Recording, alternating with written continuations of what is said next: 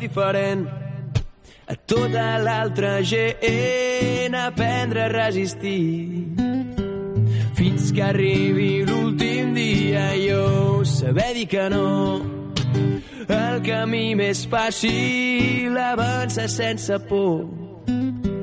Ràpid que s'acaba el temps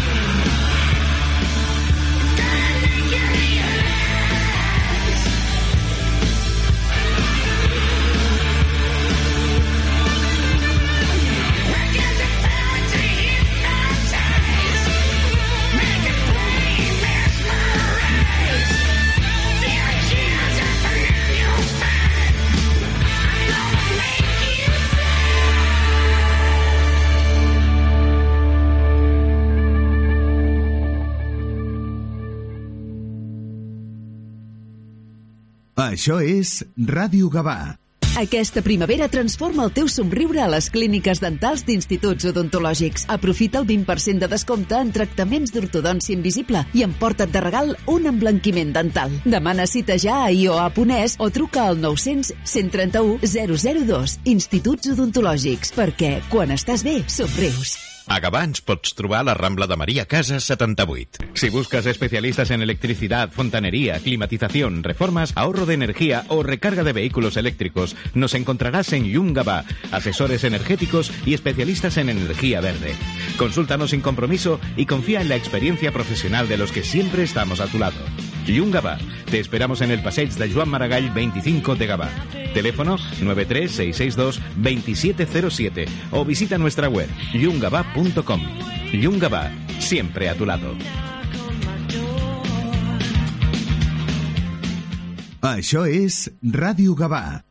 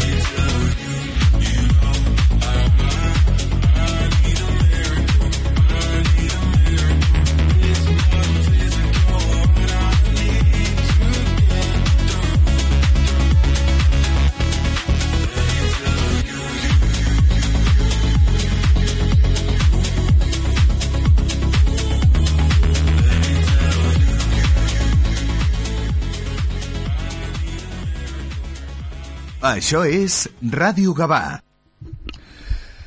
Muy buenos días y bienvenidos a una nueva edición del Quinto Fantástico. Bueno, hoy nos toca un refrito. Mm, hemos tenido algunos problemas técnicos con eh, a la hora de preparar entrevistas y demás. Y bueno, por temas de laborales nu- nuestros invitados pues no, no han podido estar. Vamos a vamos a hacer un vamos a hacer el refrito de un programa que a mí me bueno, es de los que tengo guardados en la mesita de noche de allí de casa. Es el especial que hicimos de un espero que haya otro es un especial que hicimos de, de los primeros números de, de Lucky Cage, eh, de Powerman. Sobre todo de los que. de con música relacionada mucho a las situaciones que había en aquellos cómics de, de- de los años 70, ¿no? La Black Exploitation y, todo esto. Eh, y espero que lo disfrutéis. Ya os digo, es la pandemia, por eso un poco el, el, el tema del sonido, que estoy, parece que esté yo un poquito lejos, pero no, estoy ahí y estaba en mi casa y junto con Maite pues hicimos un programita de los que, de los que te queda muy buen recuerdo, vaya. Así que, Maite, velocidad de curvatura.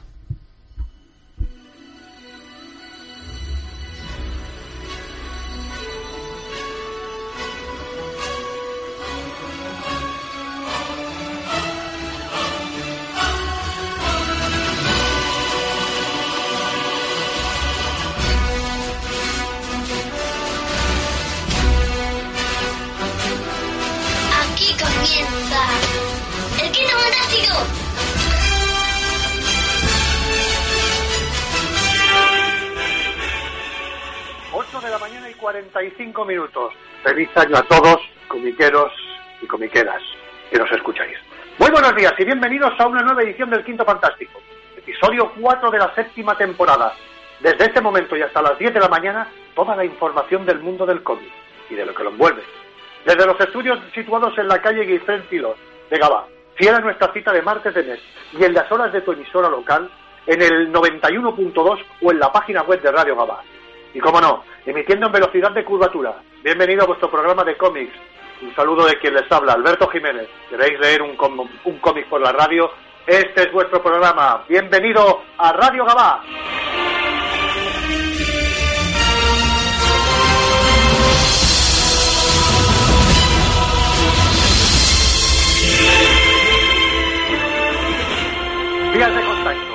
Seguimos manteniendo las, de momento seguimos manteniendo las mismas, ¿no? Nuestro correo electrónico, loveno65 arroba hotmail.com. En, en Twitter seguimos estando ahí, en arroba el quinto fantástico. Eh, también en Twitter nos podéis co- encontrar también a, a Yere Gabá y a Radio Gabá, que comparten todas nuestras aventuras para, para poder seguirlos, ¿no? Sobre todo también para tener las últimas noticias de, de cómics y compartir información con otros amigos y programas que nos unen la misma pasión. Seguimos también estando en Facebook, si queréis entrar, buscar por Alberto Jiménez, tendréis ahí fotos, programas y una versión algo más extensa de nuestra historia. De las diferentes noticias, sobre todo que van apareciendo de la actualidad, aunque aparecen en cuentagotas por el tema COVID, pero siguen apareciendo y nuestros guionistas y dibujantes siguen, siguen actuando, vaya. Teléfono de la emisora. Si queréis compartir algo. Hoy yo creo que el personaje lo, lo, promete, ¿no? Y si queréis entrar para comentarnos alguna cosita sobre él, cómo lo conocisteis o cómo, o cómo fue, cómo fue el primer cómic que conseguisteis leer de él, pues oye, aquí estamos, ¿no? También os podéis descargar la app de Radio Gabá, totalmente gratuita, en la página, sobre todo está en la página web de Radio Gabá, o también escucharlo en redifusión durante el fin de semana, porque seguimos estando en Evox, ¿no? Donde nos podéis encontrar en Angel Gabá, arroba el quinto fantástico, allí podéis tener todos los programas de esta temporada y las anteriores. También deciros que seguimos sin estar en el estudio por motivos de seguridad y ahora más todavía con las últimas restricciones que nos han puesto estos días, ¿no? Así que intentaremos hacerlo vía Zoom o vía telefónica, depende, iremos intercambiando según las posibilidades de nuestros invitados, ¿no? Disculpar si nos pisamos o si la calidad del sonido no llega no llega a la perfección. Ahora mismo, por ejemplo, yo lo estoy haciendo lo estoy haciendo vía telefónica, ¿no? Pero bueno, tanto Maite como yo intentamos hacerlo que el programa salga salga lo, lo mejor posible, ¿no? Y cómo no, dar la bienvenida a quien coordina, a quien está atenta a todo lo que pasa a nuestro alrededor. Hoy más que nunca nos llega muy Misty Night. Decir esto significa decir amiga de nuestro héroe de hoy. Doña Maite, muy buenos días. Let's do it.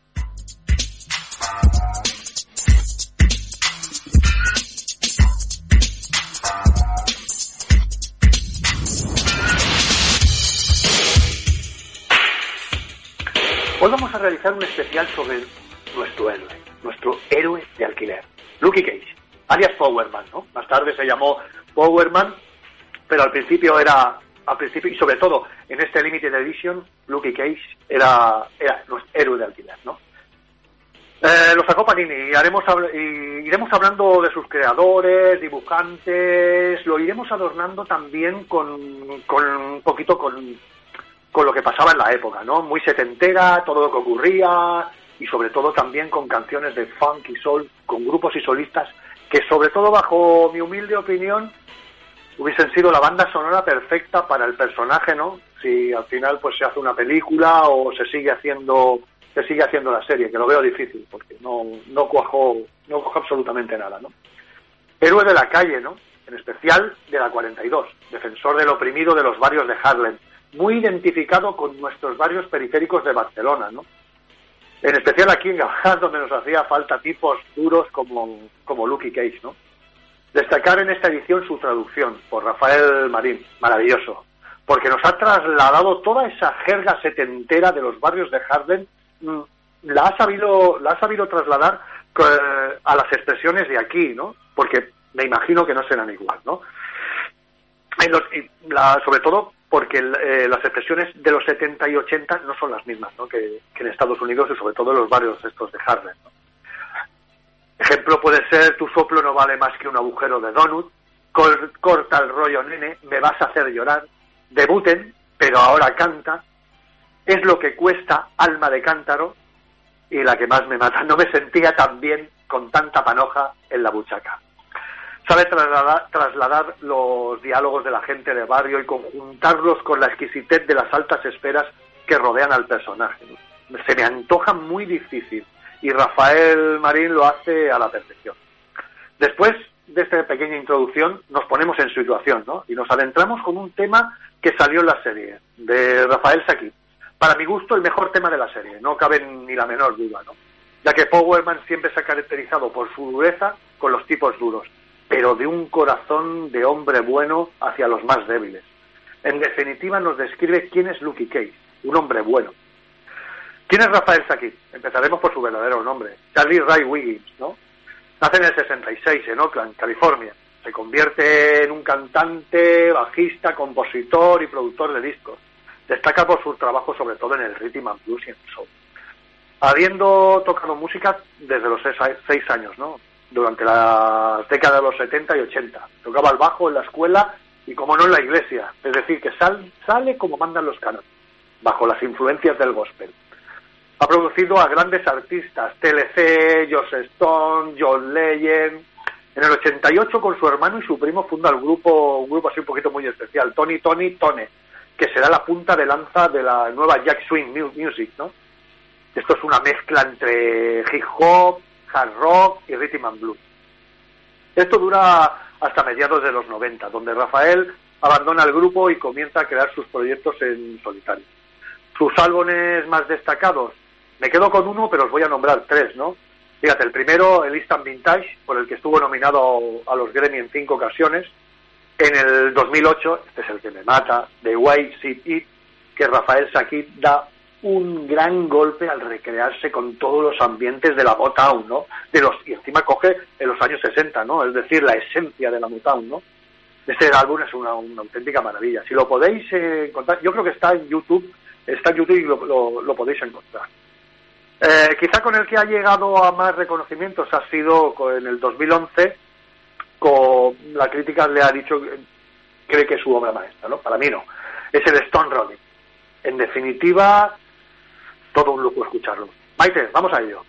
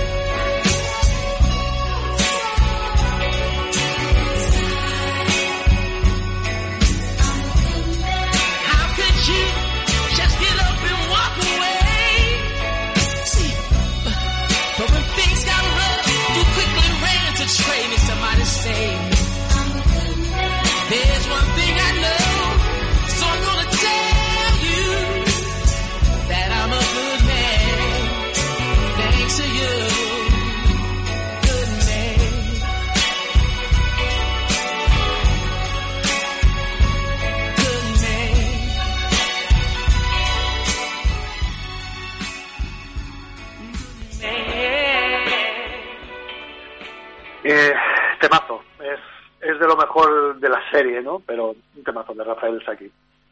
Bueno, y con una introducción, vamos, entramos de lleno, con una introducción sobre todo en, eh, en el Limited Edition este de Steve England, hombre que lo ha hecho todo. Los que leímos ediciones Vértice y los más jóvenes lo habéis descubierto sobre todo con estas reediciones, ¿no? que son maravillosas. Pero nos situamos. Me, me gustaría situarme sobre todo a principios de los 70 y describiros un poco el ambiente tanto político, social, deportivo, televisivo, cinéfilo, ¿no?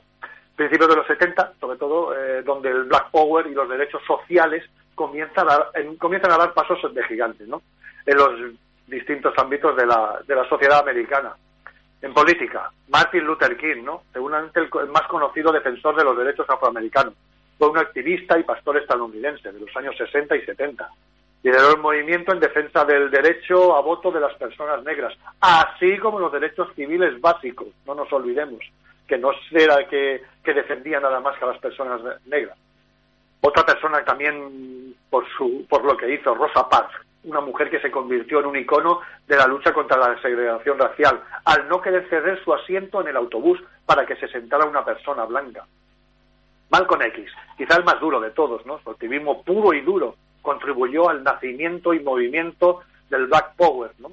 Y un movimiento que hubo de las Panteras Negras, movimientos que apoyaban defender los derechos de los negros, aunque fuesen utilizando la violencia. En televisión, televisión simplemente voy a destacar un, hecho, ¿no? el famoso beso interracial que hubo en la serie Star Trek, que fue el primer, el primer beso eh, interracial, perdonad que lo repita, eh, que fue entre Kirk y, la teniente Uhura. Causó un revuelo impresionante, ¿no? Yo creo que siempre Star Trek ha estado algo, un paso por delante, eh, igual que Marvel, igual que Marvel, hay que reconocerlo, un paso por delante en todos estos, en todos estos detallitos, ¿no? En el deporte, una de las imágenes más representativas de la lucha de los derechos afroamericanos es de los atletas negros, subido encima del podio, puño alzado, envuelto con un guante negro. ¿Quiénes eran? Tommy Smith y John Carlos, dos atletas norteamericanos que alzaron, que se alcanzaron la medalla de oro y de bronce en la carrera de 200 metros de los Juegos Olímpicos de México del 68. La imagen ocupó portadas de periódicos, de todo el mundo, a la mañana siguiente, ¿no? Y se convirtió en un icono de protestas por los deber- derechos de civiles de los negros. El gesto ahora es muy recordado, ¿no? Y es todo un hito.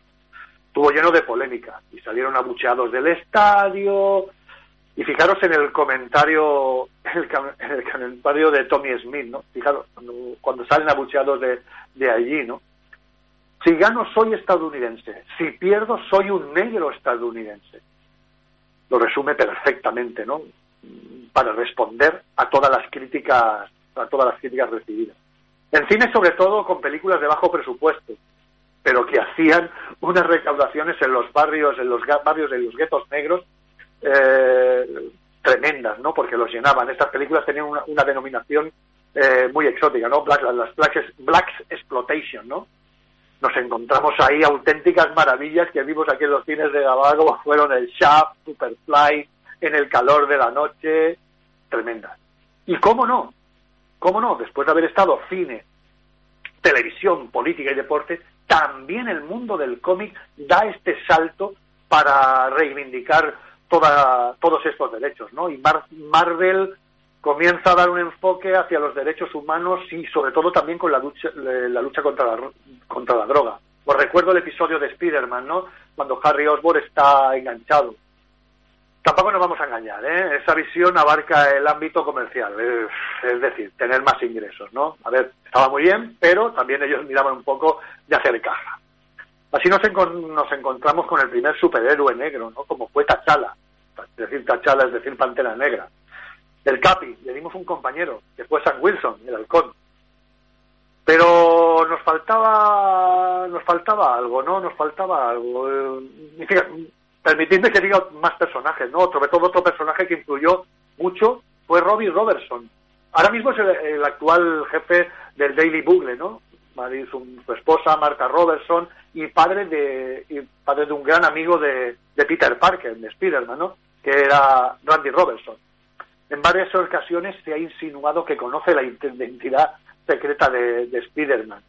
Yo creo que sí, sobre todo porque nos ha dejado muchas viñetas así con esa cara y él sabe, yo creo perfectamente, quién es Spider-Man, ¿no? Por su sensatez, ponderado, excelente periodista.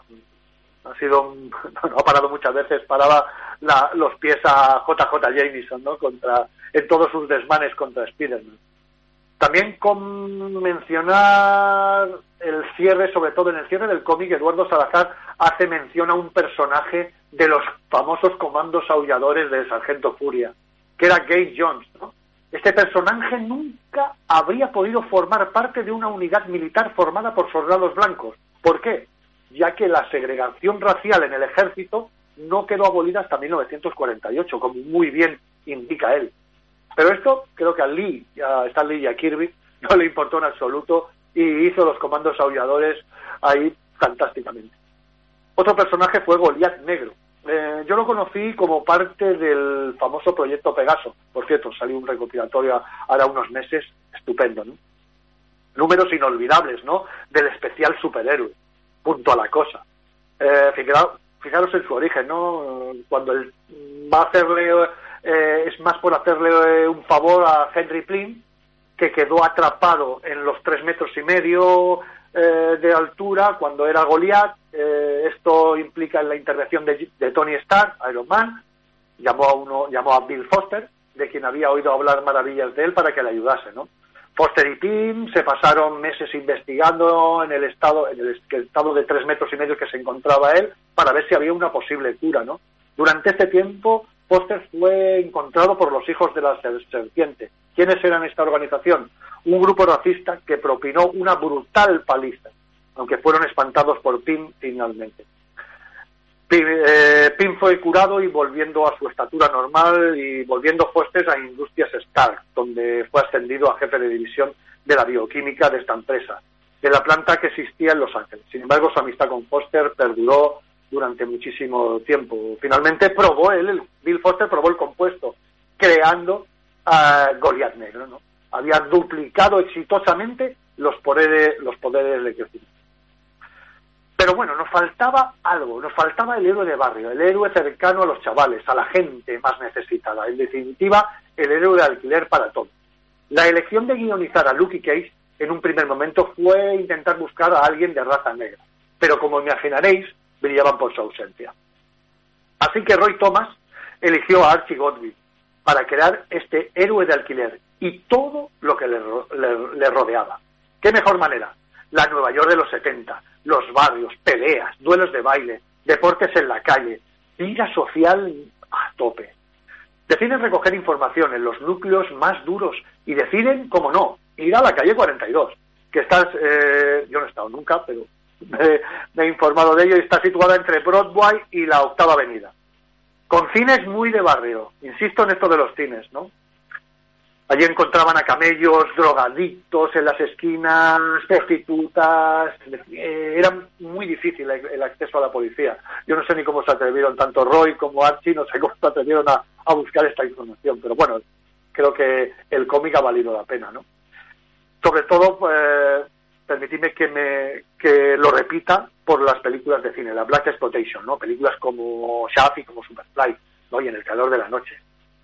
Roy Thomas contribuyó al apellido, Case. En su traducción literal es jaula, ¿no? Y también contribuyó en, eh, en el eslogan, héroe de alquiler.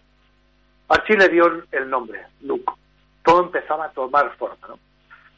El dibujo, fue a cargo de George Tuska, pero las tintas fueron a cargo de Bill Graham. Este sí que era de raza negra. Seguro que influyó su raza en, en, para que hubo alguien estuviera estuviera participando en esta en esta historia no de Lucky Case no pero lo justificó con un trabajo perfecto con el paso de los números Bill decidió dar toques al personaje Eglenhart tomó nota de sus ideas y viceversa y ahí salieron tres números en los que se cierra un poco el origen de, del personaje que nos lo ofrecen sobre todo al final de este límite de ¿no? deciros que la página que nos introduce en el primer número te llena de lo que nos vamos a encontrar policías corruptos, juegos, lugares, alterne, Harlem, cárcel gobernadas con alcaldes, alcaides corruptos, presos que están ahí solo por el hecho de ser negros. Definitiva nos traslada a la calle pura y dura, con dramas y sin, sin héroes ni villanos disfrazados. Archie, George, Billy, Tony y el propio Steve, yo creo que disfrutaron con este trabajo. Después de esta introducción, qué mejor, qué mejor tema qué mejor tema que uno de mis preferidos, uno de Richie Havens, el Going Back to My Roots, volviendo a mis raíces. Permitidme que os diga nada, cuatro pinceladas de, de él, ¿no? Havens fue conocido por su, estel, por su estilo rítmico de guitarra, frecuente mm, porque abría con ellos todos su- todas, todas sus presentaciones y conciertos. Por su estilo de canciones muy pop y muy folk, folk, llenas de sentimiento. Su actuación definitiva fue en el Festival de Woodstock en 1969, ¿no? que le dio toda la fama mundial. Javen realizaría giras durante 40 años y lanzaría más de 20 álbumes. Me llamó mucho la atención sobre todo eh, sus orígenes. Ahora realizando este programa he descubierto más cosas de, uno de mis hilos, ¿no? de Richie Haven. Y fijaros, fijaros sus, sus orígenes, ¿no? Es el mayor de nueve hijos. Tu padre era descendiente de nativos americanos, los que denominaban Blackfoot. La traducción sería pies negros. Y su madre descendiente de, de las Indias británicas occidentales. También destacar otro detallito, ¿no? que su- tanto su abuelo como, como su tío eh, se unieron a trabajar en el Wild West Show. ¿Qué es el Wild West Show? Es el círculo de Buffalo Bill, ¿no? viajando por Nueva York y por todos Estados Unidos dando, dando funciones. Pero Javen será un auténtico cantautor, a- sobre todo a la libertad.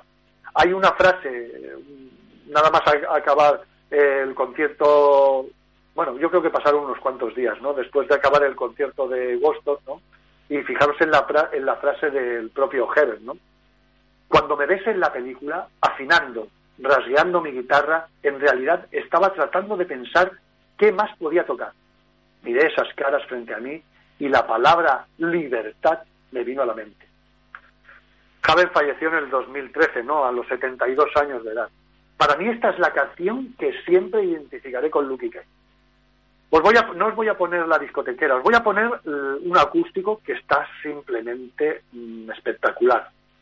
Los más veteranos la disfrutaréis y los más jóvenes espero que conozcáis a este cantante. Vamos a ello. I really have the honor and I'm really proud welcoming tonight. Please, huge round of applause. Legend, Mr. Richie Heavens.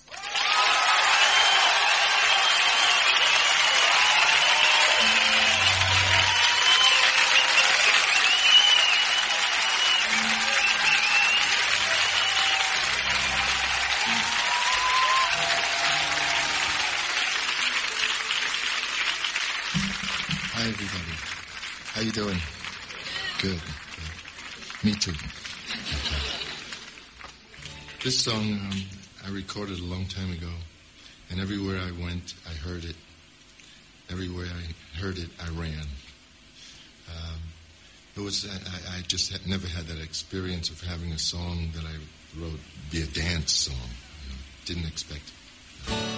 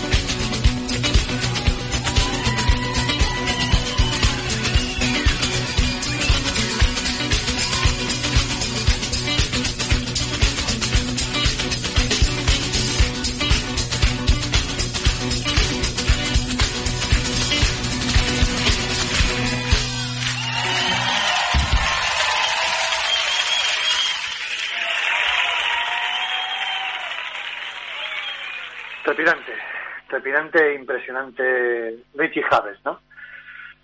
Mm, con un título muy identificativo, del infierno al héroe, nos encontramos en la cárcel, es para ya empezar a meternos un poquito con el, con el Limited Edition, con este, con estas 16 pa- grapas, ¿no? Nos encontramos en la cárcel de máxima seguridad de Seisgate, ¿no? Con los primeros personajes que nos envuelven en la vida de Lucas. El capitán Rackham, el doctor Noah Bernstein, personaje que se verá involucrado en la adquisición de sus poderes, su amigo de fechoría, que después se convertiría en uno de sus primeros enemigos, ¿no? Willis Straker, ¿no? alias el iguana. Tenían un denominador común, su humor por el que los dos disputaron y se crearon un conflicto eterno, ¿no? que era ni más ni menos que Reba Connors, ¿no? y de, de cómo todo este amor, todo este amor despechado acaba en tragedia, de cómo conoce a Claire, a la doctora Claire Templer, que se convertirá, según pa- el paso de los números, en uno de sus amores. ¿no? El conserje de la primera oficina de alquiler, Jay Griffin, sobrino del propietario, se convertirá en el guardián de su oficina ante matones desesperados, ¿no? como el propio Gideon Mace, un coronel despiadado retirado del ejército que bajo los ideales de buscar el reconocimiento a los soldados retirados los engaña y cuando él simplemente lo único que busca es asaltar el centro financiero de, de Wall Street. Una historia muy, muy de aventura y muy, muy de acción. Destacar también el traje de Powerman. Para mí no se vio muy bien en la serie. En la serie hicieron un pequeño cameo, genial, muy bien y tal, pero yo creo que tiene que tener esa, esa, esa esencia. El traje tiene esa esencia eh, setentera, ¿no? Con el pelo a lo afro, patillas largas, una vestimenta con una camisa amarilla, diadema y muñequeras metálicas, pantalón azul ajustado, en forma de leotardo, botas azules. Lo siento, pero para mí tenía que haber salido más esta historia, ¿no? Porque es, es la esencia del personaje. Con la, con la aparición de Steve Egenhard aparece una villana en escena muy peculiar, Negra María. Aquí sus inicios era la jefa de una banda de trapicheos local. En la serie nos da otro enfoque, mucho más político, corrupto y sobre todo mucho más delgada, como podéis, si podéis comprobar ambos, ¿no?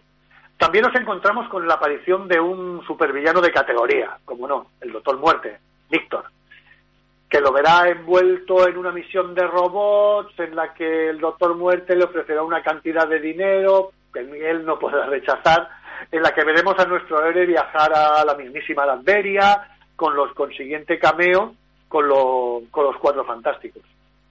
Su enfrentamiento con el Señor Muerte, jefe de juego de New York, no confundir con Doctor Muerte, con la identidad secreta, con la identidad con una identidad secreta, con un poder realmente increíble y sobre todo relacionado relacionado con, con la suerte, ¿no? Que le pondrá contra las cuerdas, sobre todo en un momento muy, muy, muy delicado, que está a punto de, de casi de, matarlo, no digo más. El periodista Phil Fogg, que tratará de chantajear a Luke con su pasado de expresidiario. En fin, con todos estos cócteles yo creo que es, es el cómic para mí no tiene no tiene vejez. Muchos dicen, no, y es que estos eh, estos 16 números igual el paso del tiempo les ha hecho algo de daño. Para mí no, para mí no, porque la problemática existe existe todavía hoy en día, ¿no? Cárceles, racismo y yo para mí no pierde absolutamente absolutamente nada. La canción que he elegido en esta ocasión para recalcar los amores es que me gustaría recalcarlo, ¿no? Sobre todo los amores que Luke tiene, ¿no? Con, con Rabe, con Rabe y con Claire, ¿no? Qué mejor temazo, un temazo de Luther Vandross, ¿no? El Never Too Much, nunca es demasiado. Luther Vandross poco conocido o algo desconocido aquí en nuestro país. Nacido en el East de Manhattan, ¿no? En Nueva York. Vandross creció en una familia musical que se trasladó al Bronx cuando él tenía 13 años. El padre de Vandross murió de diabetes cuando Luther tenía solo 8 años. Uno de los momentos que sobre todo le cambia su vida llegó a los 13 años, cuando escuchó por primera vez a la gran Diane Warwick. Después de escucharla supo, se da cuenta de que él tenía que ser cantante. Antes de, ser- de pasar al, pan- al plano profesional como cantante, Bandros cantó, estuvo en los coros. Y fijaros qué elenco. David Bowie, Roberta Flack, Carly Simon, Chaka Khan, Betty Milder, Diane Warwick, Chick, Barbara Streisand. Durante el principio de su carrera, Bandros se conformaba con ser corista. Él es una persona que se denota, sobre todo en todas sus canciones, que es una persona muy sencilla, ¿no? Compositor, productor y cantante de la reserva para otros artistas. Otros tendrían el ego subido. Roberta Flack es quien empuja a Bandros a comenzar su propia carrera. Además de sus habilidades en la composición y producción, merecía hoy ser oído como cantante solista. Antes de su lanzamiento oficial lanzó dos álbumes con, el- con un grupo de cantantes que formó al, que- al grupo que llamó Lucer. Bandros lanzó una serie de álbumes, no muy vendedores durante los 80. A ver, los 80 fue una época muy, muy buena en todo lo que es rhythm and blues y funky, ¿no? Aún así, tuvieron éxito, ¿no? Un gran impacto en las listas, en las listas de popularidad. También cantó duetos con Diane Warwick y la gran Sherry Lane, una de las, nuestras reinas de las discotecas. Tuvo gran actividad como productor, sobre todo, como ya os he comentado antes, pero destacó con uno de los más, con una de las más grandes, ¿no? Con sus trabajos que hizo con, con Aretha Franklin, a quien produjo álbumes totalmente enteros. Vendió más de 25 millones de álbumes y ganó ocho premios Grammy, cuatro en ocasiones como mejor interpretación de voz masculina de rhythm and blues y otros cuatro como Grammy, como Grammys eh, en el 2000 2004, incluyendo un galardón a la canción del año para su sencillo Dancing with My Father, una canción que se la dedicó a su padre fallecido hace hace muchos años. Luther Vandross nos dejó muy joven, con 54 años, en el 2005. Os pongo una mezcla entre un directo y una versión de estudio, que a mí prácticamente me, me fascina, que es el Never Too Much. Maite, déjala sonar. Never too much, never too much, never too much, never too much.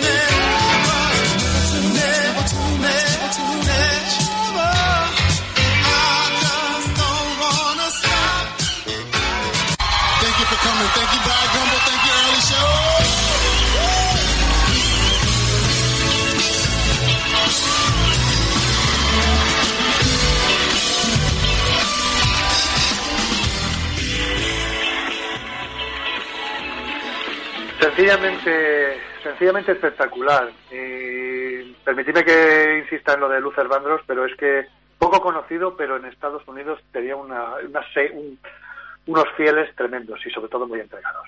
Bueno, eh, seguimos con, con- seguimos con el programa de alquiler eh, y me, me vais a permitir que entre con otro cómic, ¿no? Sobre todo en un número siguiente, en el número siguiente después del, de, la- de uno de los cómics más emblemáticos que, ha ocurrido en la saga de Spider-Man, ¿no? La muerte de Gwen Stacy, ¿no? La batalla entre el Duende Verde y Spider-Man, con la consiguiente muerte de ellos dos, de Norman Osborn y de Gwen Stacy, ¿no? Porque eh, en el Limited Edition nos hace nos hace referencia entre uno de los entre las entre los dos entre dos números nos hace referencia a esta a esta batalla no Eh, el Duende Verde en el- fue esto fue en el número 61 del volumen 3 de Vértice de nuestra querida Vértice equivalente al americano era el número 124 guia- guionizado por Jerry Conway y dibujado por Jill Kane y, John Romita por cierto, una portada sencillamente espectacular, ¿no? Con Lucky Cage allí golpeando a Spider-Man, es de las mejores que, que, que podemos tener. Nos encontramos sobre todo a un JJ Jameson muy enfadado, cabreado por ello, por aclamando venganza por la muerte de Norman, eh, pero cuando monta en el coche, eh, leyendo su propio periódico, descubre un artículo que dice Héroe de alquiler. ¿Quién es este misterioso aventurero que todavía no ha sido partidario de nadie? Le llama mucho la atención.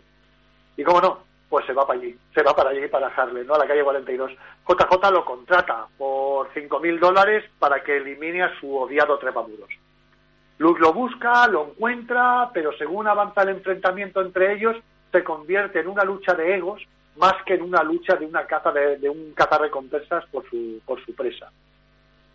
El cómic da una puesta en escena del personaje, ¿no? De Lucky Case, que mejor, ya que en aquellos números Spider-Man estaba en lo más alto de ventas, ¿no? Y sobre todo con la historia de, del Duende Verde, de la muerte de Gwen Stacy, eh, era una auténtica locura de emociones los que leíamos en, en esa época, ¿no? Que era, era, vamos, algo espectacular. Y como qué mejor puesta en escena del personaje de Powerman, pues un enfrentamiento con el, con el trepamuros. Ambos, ambos muestran estar sobre todo a la altura en el cómic. Spider-Man lo detiene con sus redes en un momento crucial para poder conversar. Le dice que va a estar que va a estar unos segundos y que le deje que le explique. Tras la conversación encuentran algo que les une, ya que se metieron inicialmente en el mundo de los superhéroes para ganar dinero. Y ambos han sido tratados como los delincuentes. Dos cosas que prácticamente les une. El trato y la unión eh, en su misma pasión, ¿no? que es, el superhéroe.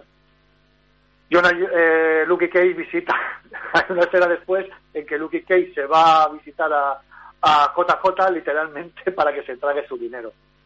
De vuelta Peter, Peter Parker y Mary Jane se retiran, ¿no? con un Peter contándole que después de hablar con alguien se dio cuenta de que no está realmente solo. Este número de Spider-Man transcurre como, como os he dicho en los números del Limited Edition, ¿no? con flashes de viñetas que nos dan pistas de este enfrentamiento entre ellos. Y lo que ocurre sobre todo también nos da un poquito de, de ya con la inicia, eh, con, con la inicia de la aventura de que Phil Fox visita el del Daily Bugle, del Daily Bugle para que le publiquen de dónde procede realmente Cage. Otro nuevo villano es Quimistro. Aquí nos encontramos con una, no sé cómo llamarlo, con una con el villano despechado donde intenta matar al empresario dueño de una multinacional que se ha apoderado de sus conocimientos para ser el multimillonario, el multi, eh, el dueño mucho más rico, ¿no? Nos encontramos, como os digo, en ese debate de quién es realmente el malo, si el supervillano que clama venganza o el empresario déspota que se ha apoderado de, sus progresos difícil debate, ¿no? Que Lucky Cage también lo tiene, sobre todo al final de, de, este, de esta historia. El tema que sonará eh, ahora es la mejor manera para identificar, y me metís, como no, identificamos a Luke Cage, pero también eh, identificamos a Spider-Man, ¿no?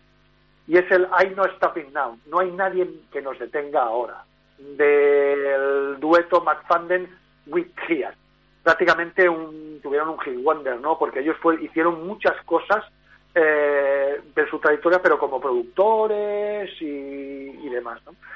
McFadden y Wiggins se conocieron en el instituto. Pronto formaron una banda, de Pilson, que acompañaron a, uno de los más grandes, a Otis Reis, hasta su muerte en el 67.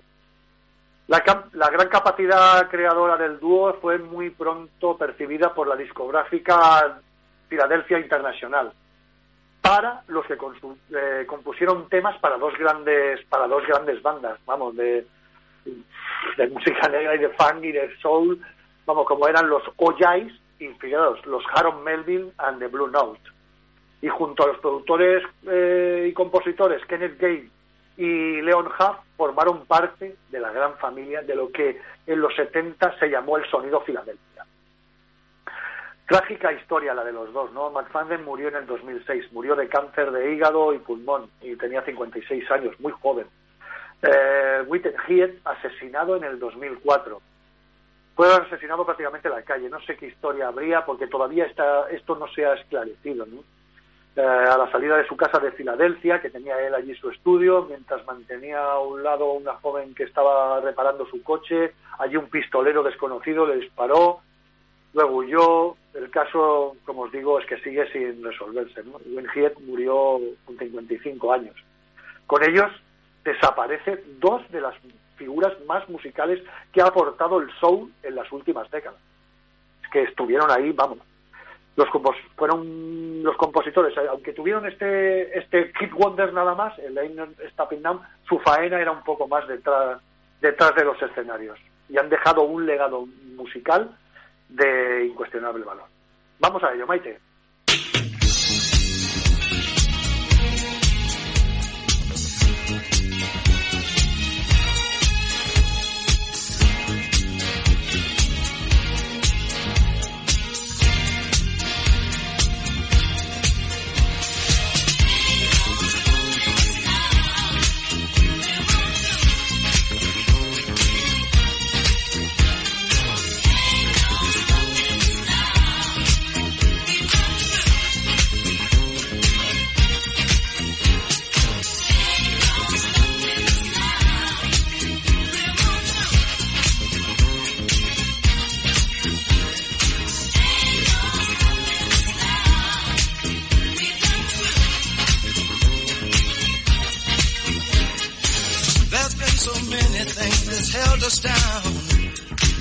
But now it looks like things are finally coming around.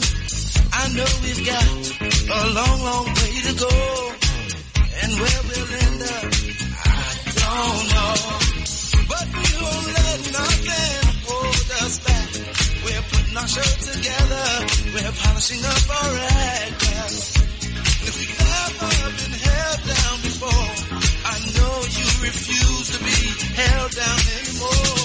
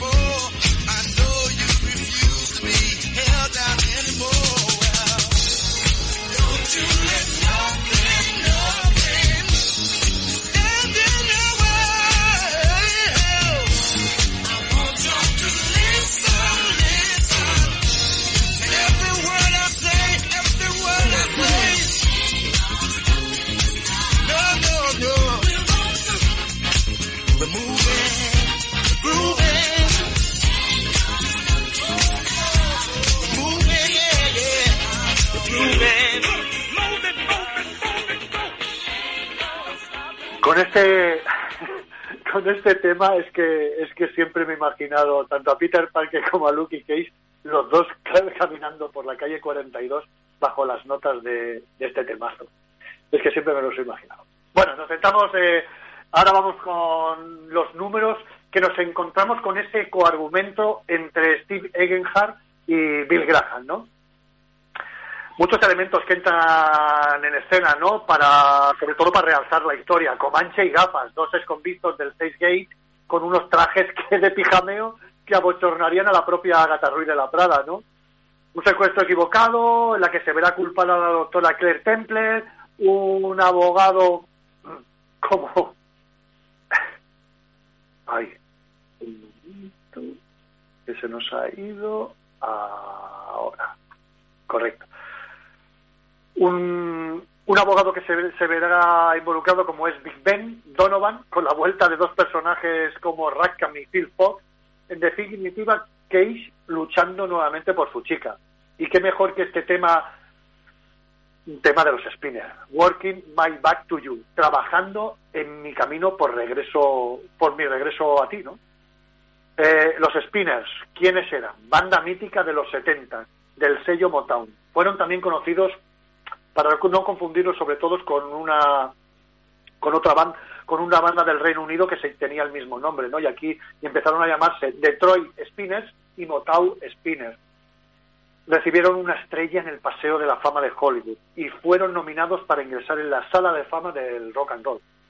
Cuando, cuando Spinners firmaron por Atlantic en 1972, eran un grupo muy respetado, pero comercialmente poco notable, que nunca había tenido un top ten de éxito, ¿no? A pesar de haber sido un grupo referente durante más de una década, no lo consiguieron, vaya. Sin embargo, eh, con el compositor Tom Bell a la cabeza, los Spinners registraron cinco sencillos en el top 100 y dos en el top 10 se convirtieron en uno de los mayores grupos de soul de la década de los 70. Todo un referente de, del soul. Ahora mismo, excepto un miembro original, todo, prácticamente todos han fallecido. Quizás su cantante más emblema, el cantante más era el, la persona más conocida, Bobby Smith, que murió en el 2013. Sin embargo, han ido sustituyendo a los demás miembros y haciendo giras con el nombre de Spinners y con sus temas de toda la vida. ¿no? Maite, vamos a escucharlos. Venga.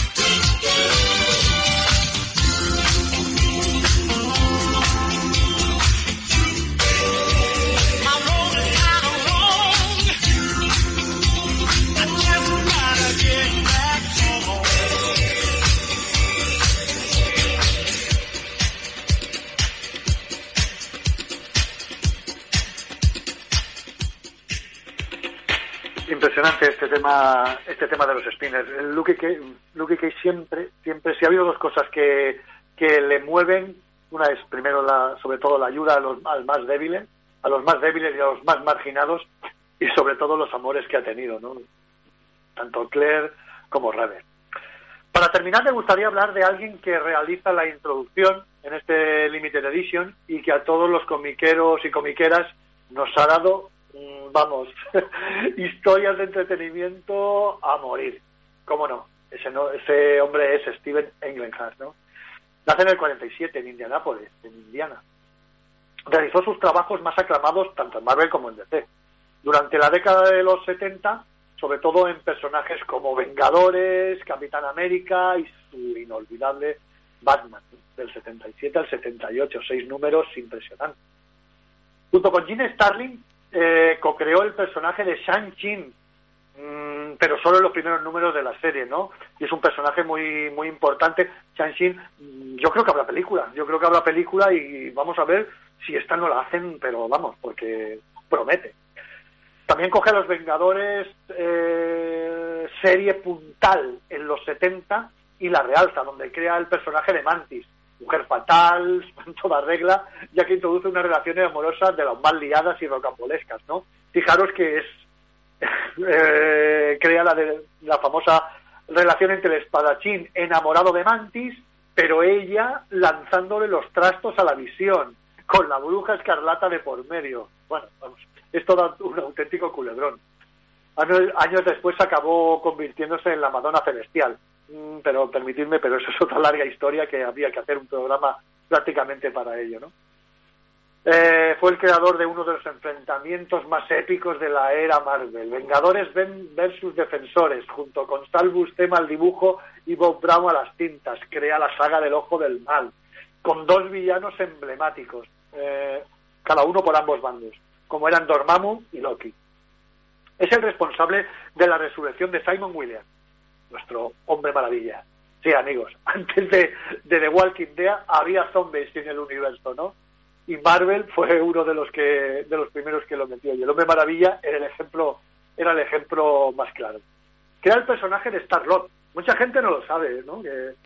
Pero crea a Peter Kill, aunque tan solo escribe algunas páginas, ¿no? Hay un recopilatorio muy majo, eh, Biblioteca de Blanco y Negro, no sé si después lo llegaron a hacer más, y que te da el origen del personaje.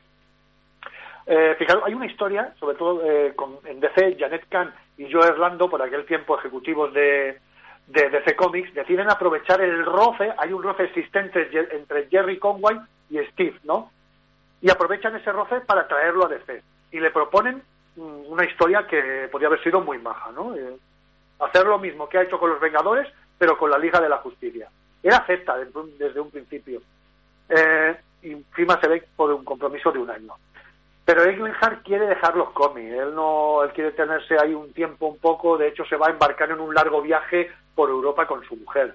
Eh, así que pone una condición, no hacer la Liga de la Justicia, pero escribir eh, a su personaje favorito, que es Batman. Khan acepta y, y ¿qué hace? Le da el título peor vendido en aquel momento del hombre murciélago, que era Detective Comics, ¿no? Y entre mayo del 77 y abril del 78, Eglenhard y los dibujantes Marshall Rogers y Walter Simonson firmaron un arco argumental de la serie Detective Comics. Hay mucha gente que considera que es la mejor versión de Batman, ¿no? El Batman definitivo. Y como no, trabaja en la elaboración de, Luke Cage. La idea original era un Luke Cage de superfuerza, pero solo la usaría por dinero, es decir, ba- bajo un héroe de alquiler, eh, y fue el enfoque único. En cuanto se marchó, el- los demás guionistas fueron, a, fueron también aportando, aportando más cositas al personaje. Eh, y como hemos hablado de la Black Exploitation, nos vamos con un tema muy representativo de una película. No me podía, no podía dejar pasar el Superfly de 1972, en las de que nos da a conocer los bajos fondos, la mafia y sobre todo traficantes de droga. Temazo, un temazo. Vamos a escuchar el, un temazo de Curtis Minefield eh, que hizo sobre todo para para, para este Superfly, ¿no? Una temática que engancha. Yo la recomiendo que la veáis, ¿no? Eh, Interpretada por Ron O'Neill, es un traficante de cocaína que dis- eh, disfruta de una vida lujosa en Harlem, pero sabiendo que tarde o temprano acabará muerto en prisión. ¿Y qué decide? Retirarse del negocio de la droga, pero antes quiere hacerlo para, por lo grande, dando un gran golpe, vendiendo 30 kilos de cocaína, a cambio de medio millón de dólares. Vamos a escucharla.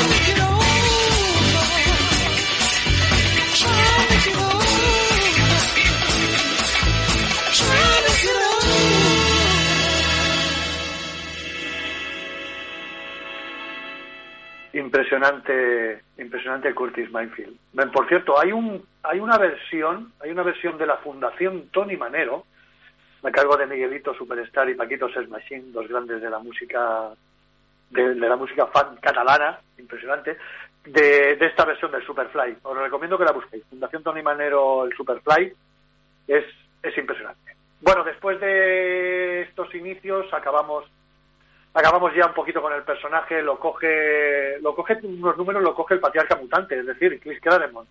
Sus guiones empiezan a introducir a personajes que quedarían mucho en él, como Puño de Hierro. También tuvo grandes, grandes guionistas como Bill Mandlo, Tony Isabella, Don McGregor, Mark Wallman y dibujantes como Salvus Tema, nuestro gran John Byrne y, y por supuesto. Y cómo no, por favor, unas portadas, porque eh, Vértice eh, realizó los primeros números también, unas portadas increíbles a cargo de López Speed. ¿Cómo despedir al personaje? No sé. Mm, Yo es uno de mis favoritos. Después de, recoger toda la información de la época, de todos los ámbitos, simplemente os digo que a mí me que me perdonen, ¿no? Los seguidores de T'Challa y Wakanda, que los quiero muchísimo, pero para mí sin duda y desde siempre siempre siempre ha habido un icono Marvel Marvel de la cultura negra. Ese ha sido siempre Luke Cage. Aunque yo siempre lo conocí como Powerman, tipo duro, cercano, un negraco que da su merecido a esos listillos blancos, ¿no? A la vez que encumbra los derechos de, de las personas de la, de la- en, la, sociedad, ¿no? Y que opta por un tono medio y elige limpiar las calles y hacer de su comunidad un lugar más seguro, definitiva un, héroe de los 70, ¿no? Y como vosotros sabéis que soy muy de esa cultura, me despido con un temazo mm, de un grupo leonés, que por su nombre hace homenaje a uno de los más grandes, ¿no? De, de, de la música negra, rhythm and blues, como fue Salomon Burke. Este grupo se llama Solomon Brothers, ¿no? Grupo leonés. Si algún día lo veis anunciado en vuestra ciudad, no dudéis, coger una entrada porque volveréis a sentir funky en toda, en toda vuestra ausencia. Eh, ya para despedirme, simplemente deciros que este programa va, lo, lo voy a dedicar a un amigo, un amigo que ha fallecido hace unos días, ¿no? A Juanjo, Juanjo del deporte local, local de Gabá, que nos ha dejado en un pisplas. Yo me enteré por, por, por un tuit y me supo muy mal, porque es una persona que lo ha dado todo para el deporte local en sus inicios y sobre todo para el deporte escolar eh, en sus últimos años, con una dedicatoria eh, extrema, intentando mejorar el deporte eh, y sobre todo ese deporte local, ¿no? que parece que sea un poco más eh, echado a un lado, ¿no? Pues él ha estado estando en todas las pistas, preocupándose por todo, desde aquí, Juanjo, simplemente decide allá donde estés que seguro que, estás ahí arriba y estarás disfrutando del deporte, que es lo que más te gustaba. Eh, simplemente escuchar, eh, gracias a todos y nos escuchamos el martes que viene. Y Maite, vamos con esta última sintonía, vamos con los Solomones, venga. Take long. I know what is expected, and being the before. A as well. Here's what I mean, mistake. Just shake it. I'm an over dynasty town. Funky innocence has come. Low and jowls, certain trousers, the Zara, the Vara, rhythm that you mind. It looks and doesn't know you sign. You're sweet in the middle, the way from to hell and to hell from funk. I got to be my stronger. Electric dance on me. Can get this feeling. Just let it shine on you and set me free. I try to make it funky. And I can see good times. Remember all those blizzards. And never say goodbye, bye, bye. You, you, you, can do it. You can do it. Wanna, you can dance. Let's get a music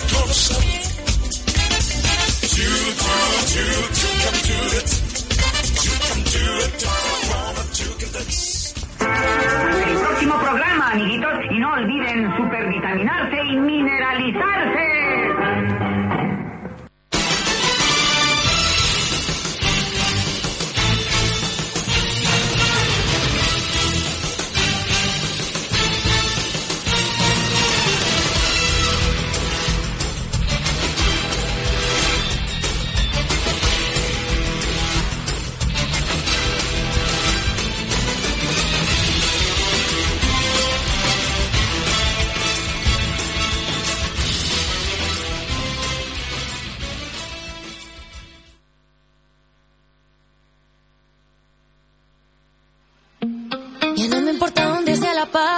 tú vas conmigo.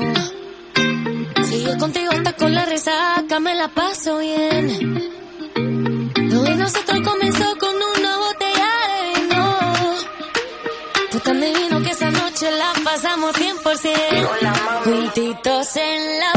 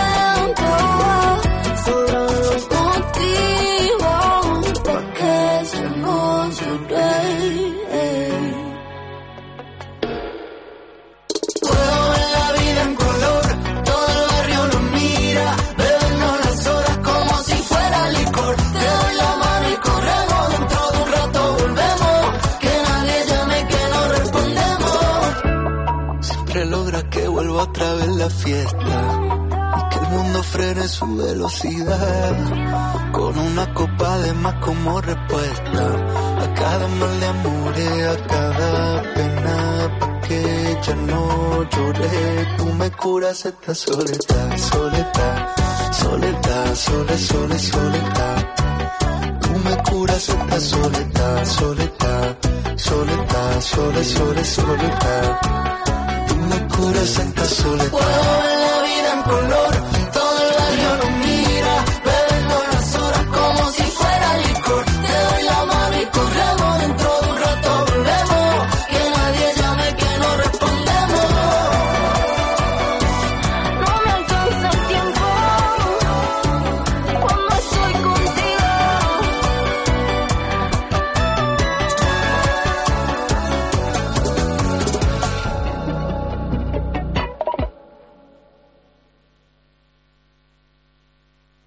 Això és Ràdio Gavà. Hola.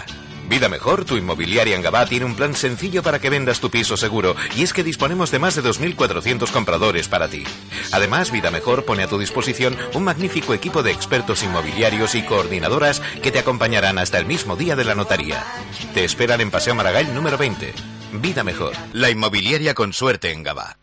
En Ianes Plantillas Deportivas Gabá contamos con un equipo de podólogos que cuidarán y mimarán tus pies como nunca lo hicieron. Con más de 30 años dedicándonos a la podología, somos líderes en plantillas. Contamos con servicio especializado de cirugía del pie, destacando entre nuestros pacientes deportistas profesionales. Trabajamos con las principales mutuas, también puedes visitarte con nuestro servicio de traumatología. Llámanos 936621162 o ven a vernos. Estamos en el carré de San Josep Puriol número 7 de Gabá, porque la salud de tus pies es mucho más importante de lo que crees. Te esperamos en Ianes Gabá.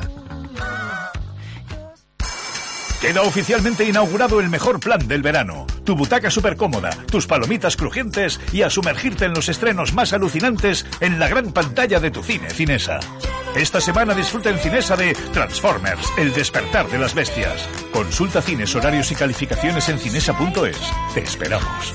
Això és Ràdio Gavà.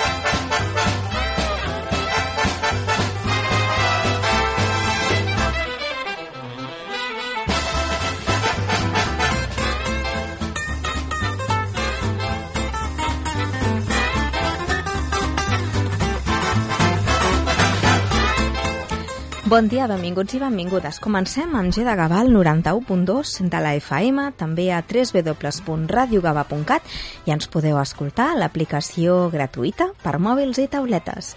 Passant dos minuts de les 10, disculpeu que ahir no vam poder fer programa, però avui sí, i tindrem Anna Perales Digia Fisioteràpia amb nosaltres, també parlarem amb... amb eh, José, ara crec que l'estic canviant el nom, un moment, que m'he oblidat del nom de pila del nostre convidat d'avui, que és David, li estava canviant el nom, David Jiménez Cano, ens presenta la seva segona novel·la abans de fer-ho a la Biblioteca Josep Soler Vidal i parlant de literatura recuperem l'entrevista que vam realitzar a Raquel Aro que signa les seves obres com a Tessa Cooper perquè demà presenta la seva darrera, Sabor a Mar, a la Biblioteca Josep Soler Vidal. Aquest programa el fem Maite Alonso i Eva Rosa, de dilluns a divendres al 91.2 de la FM, a Ràdio Gavà. Recordeu que ens podeu, escoltar, ens podeu seguir i dir coses a través de les xarxes socials, Facebook, Twitter, Ràdio Gavà, també a Instagram. I a, a banda doncs, que us hem comentat, també us parlarem d'altres qüestions de caràcter local i eh, començarem el programa, com sempre, mirant les portades dels diaris.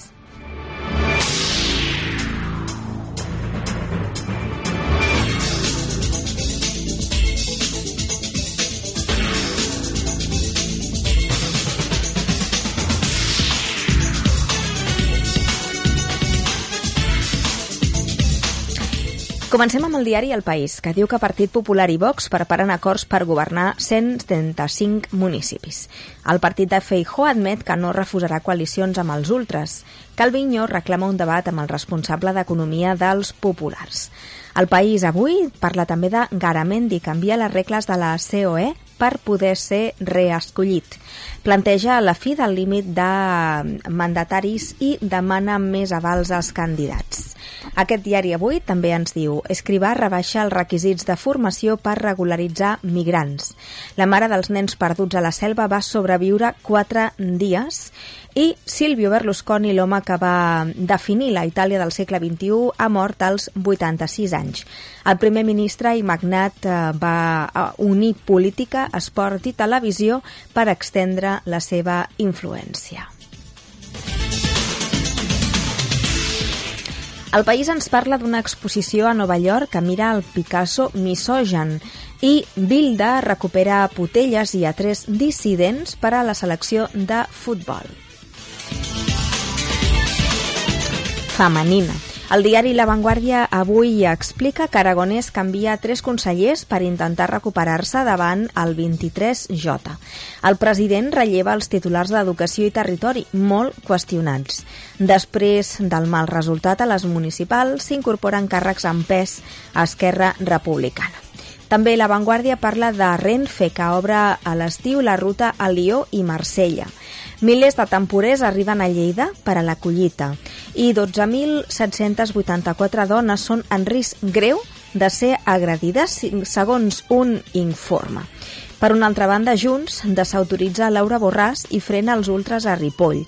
Pares i fills s'ignoren a casa per l'ús de les pantalles. Un 52% dels progenitors reconeix que els mòbils els afecten la vida familiar i un 34% admeten que creen conflictes. La Vanguardia diu Berlusconi al final d'una era. El diari El Periódico diu que Aragonès relleva tres dels consellers amb més desgast. El president recorre a pesos pesants d'Esquerra Republicana i l'oposició demana més canvis. Catalunya invertirà 51.000 milions per quintuplicar l'energia renovable. La crisi de proveïment paralitza 800 plans d'obra pública a Barcelona i professors de Badalona acusen Educació de prohibir-los parlar de les violacions mentre la conselleria ho nega. El trampisme plora el seu gran precursor. Un càncer s'emporta Silvio Berlusconi, exprimer ministre d'Itàlia, amo de Mediaset i expresident del Milan.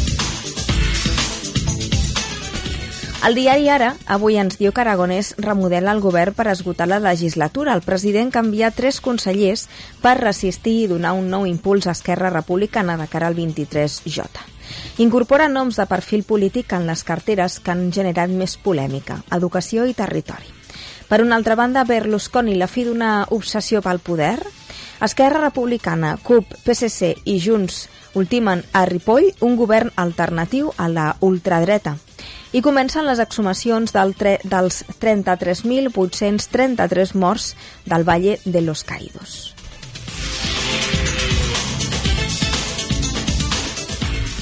El Mundo diu que Vox amenaça el Partit Popular amb repetir eleccions per intentar vetar els seus candidats.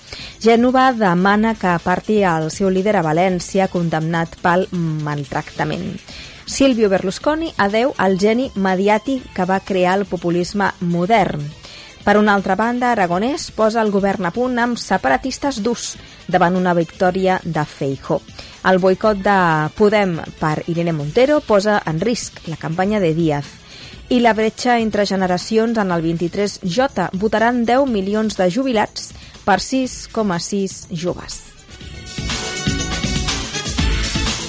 El diari ABC avui diu que el Partit Popular necessita dissabte Vox per governar en set grans ciutats i 128 municipis. També la mort de Berlusconi a la portada d'aquest rotatiu. El Bloguers Digital ha incorporat aquestes notícies més recentment, una que ens parla de l'activació del pla Inuncat per la previsió de pluges intenses, uns xàfecs localment eh, que poden ser forts acompanyats de temps violent, amb acumulacions que podrien arribar als 60 litres per metre quadrat. La previsió de pluja més intensa a la nostra comarca i localitat és entre les 12 del migdia i les 6 de la tarda. També aquest diari se'n fa ressò de l'ensurt que han tingut els veïns del carrer Indústria de Gavà quan s'ha declarat un incendi en un pis d'aquest carrer a la cuina. Un foc que va poder ser sufocat en pocs minuts però va caler ventilar perquè dues de les persones que hi havia havien inhalat fum. Ha estat en el número 11 del carrer Indústria i l'ensurt es va produir eh, ahir al voltant de les dues del migdia. Per una altra banda, també destaca el Brugués Digital la celebració de la nit del comerç per part de l'organització Wow Gavà. Holistic Studio, Bazar el Niño i Mami Nens han estat els guardonats per eh, doncs, aquesta nit del comerç. D'aquesta manera mm, van, va guanyar el Premi Innovació Bazar de El Niño a Holistic Studio i Uh, no, atenció, torn, torno. Innovació Holistic Studio, premi honorífic a la trajectòria mm, Bazar del Niño i Mami Nens ha aconseguit el premi a través de la votació popular. Fins aquí el repàs a les portades dels diaris. Anem a l'Aldia.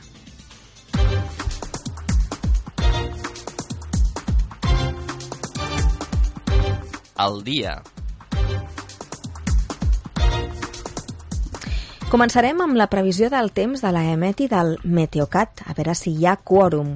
Ens eh, diu el Meteocat, el Servei Meteorològic de Catalunya, malgrat l'avís per temps, no sé per què doncs, hi ha aquesta contradicció, que a Gavà avui no plourà, és el que diu el Meteocat, però ja sabeu que tenim doncs, aquesta alerta.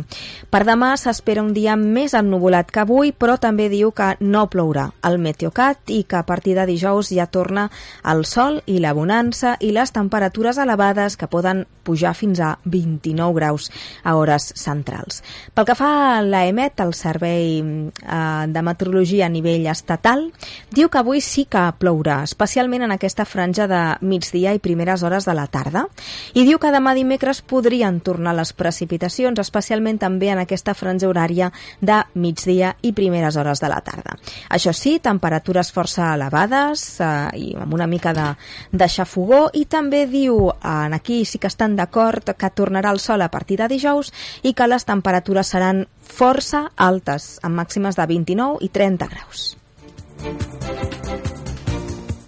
Amb aquestes temperatures altes celebraran al barri d'Àngela Roca la seva festa. El dissabte a partir de les 7 de la tarda amb un taller de castellers i gegants i ball amb l'orquestra Alta Versió a partir de les 11. I el diumenge a partir de les 6 de la tarda animació infantil amb confeti express i xocolatada popular. Que potser amb tota la calorada hagués estat més, més adequat una orxatada popular i no una xocolatada, també us ho dic. Per una altra banda, també us recordo que al mes de juliol es faran dues sessions d'un taller que es diu Cuidem-nos, pensat per a dones i que està dins de la programació del Punts G. Serà a partir de dos quarts de cinc de la tarda i, eh, si esteu interessades, contacteu amb el CIAT. Per una altra banda, aquesta setmana dijous, a les 7, podrem assistir a la xerrada que organitza el Museu de Gavà entorn l'exposició sobre la cova bonica de Vallirana. És una xerrada que ens pregunta sobre el genomen prehistòric a la comarca del Baix Llobregat i sobre com eren els primers pobladors i pobladores. Avui, a les 12 del migdia, hi ha una concentració contra la violència masclista arrel de l'assassinat la matinada del passat dissabte a la ciutat de Cornellà d'una dona a mans de la seva parella. Aquesta concentració de rebuig serà a la plaça Balmés a les 12.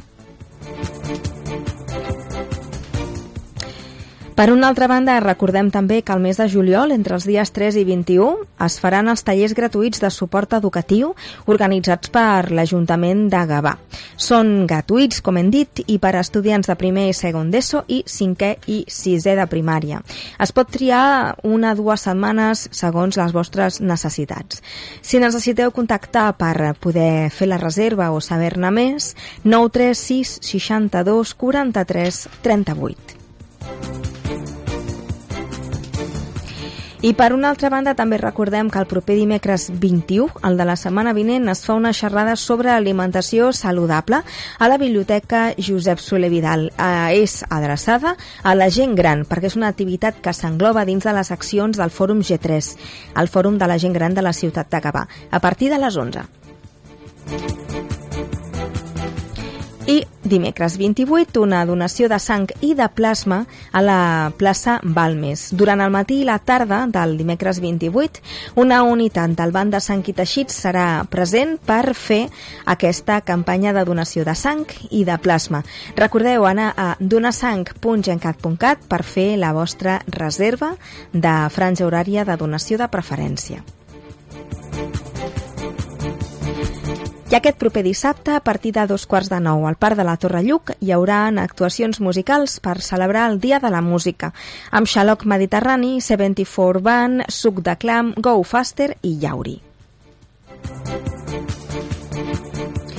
I si aquest cap de setmana tindrem calor, de ben segur que molta gent aprofita per anar a la platja. Recordeu que el dispositiu de la platja doncs, ja és activat durant tota la temporada d'estiu. Això significa la, que ja doncs, estan els llocs de vigilància, la nova torre de vigilància, els llocs de socors de la Creu Roja, que la zona d'aparcament restringit, zona taronja, ja fa temps que va començar a funcionar els caps de setmana i festius, cap de setmana amb gavabús gratuït i de dilluns a divendres de dos quarts de nou de